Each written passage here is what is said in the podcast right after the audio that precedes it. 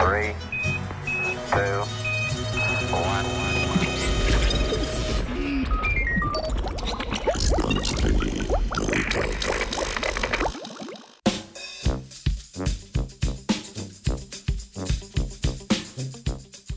Za dobro jutro, ena hitra o robotskih inšpektorjih.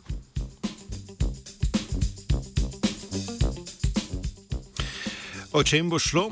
Ameriški raziskovalci so razvili prvega avtonomnega robota, namenjenega varnostnemu pregledu mostov. Varnostni pregledi mostov so pomembni za ohranjanje njihove kvalitete. Zaradi staranja materijalov in vpliva okolja se mostovi in ostala cestna infrastruktura obrabljajo. Z rednimi pregledi se morebitne poškodbe pravočasno odkrijejo in sanirajo. Preglede običajno upravljajo ustrezno izobraženi inšpektori, ki pri svojem delu uporabljajo različne metode, kot sta pregled globine cestišča z radijskimi valovi in določanje električne upornosti betona.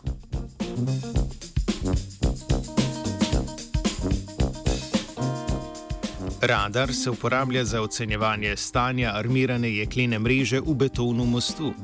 Radijski valovi, ki jih radar odda, zadenejo jekleno mrežo in se odbijajo. Na podlagi tega odmeva se naredi slika mreže in ugotovi stopnja korozije. Za določanje električne upornosti betona se uporabljajo štiri elektrode. Upornost izračunajo na podlagi izmerjene napetosti med elektrodami.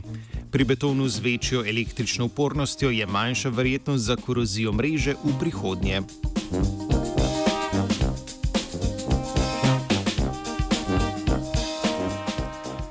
Robot, ki so ga uporabili v študiji, ima obliko manjšega štirikolesnika dolžine enega metra. Poleg radarja in sistema za merjenje električne upornosti je opremljen tudi s kamero, ki zaznava površinske poškodbe cestišča. Po delu mostu, ki ga pregleduje, se pelje gor in dol. Meritve iz vseh senzorjev sproti obdela s posebnim algoritmom in podatke o stanju mostu takoj pošlje inšpektorjem.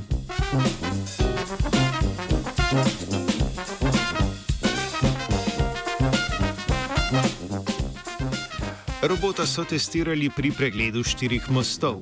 V primerjavi s svojimi človeškimi kolegi je robotski inšpektor pri svojem delu sicer enako hiter, vendar je njegova uporaba veliko cenejša in njegov pregled bolj natančen.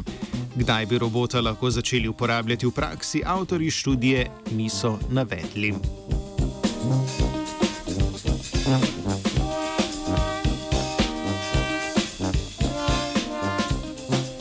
Prispevek je pripravil Črt.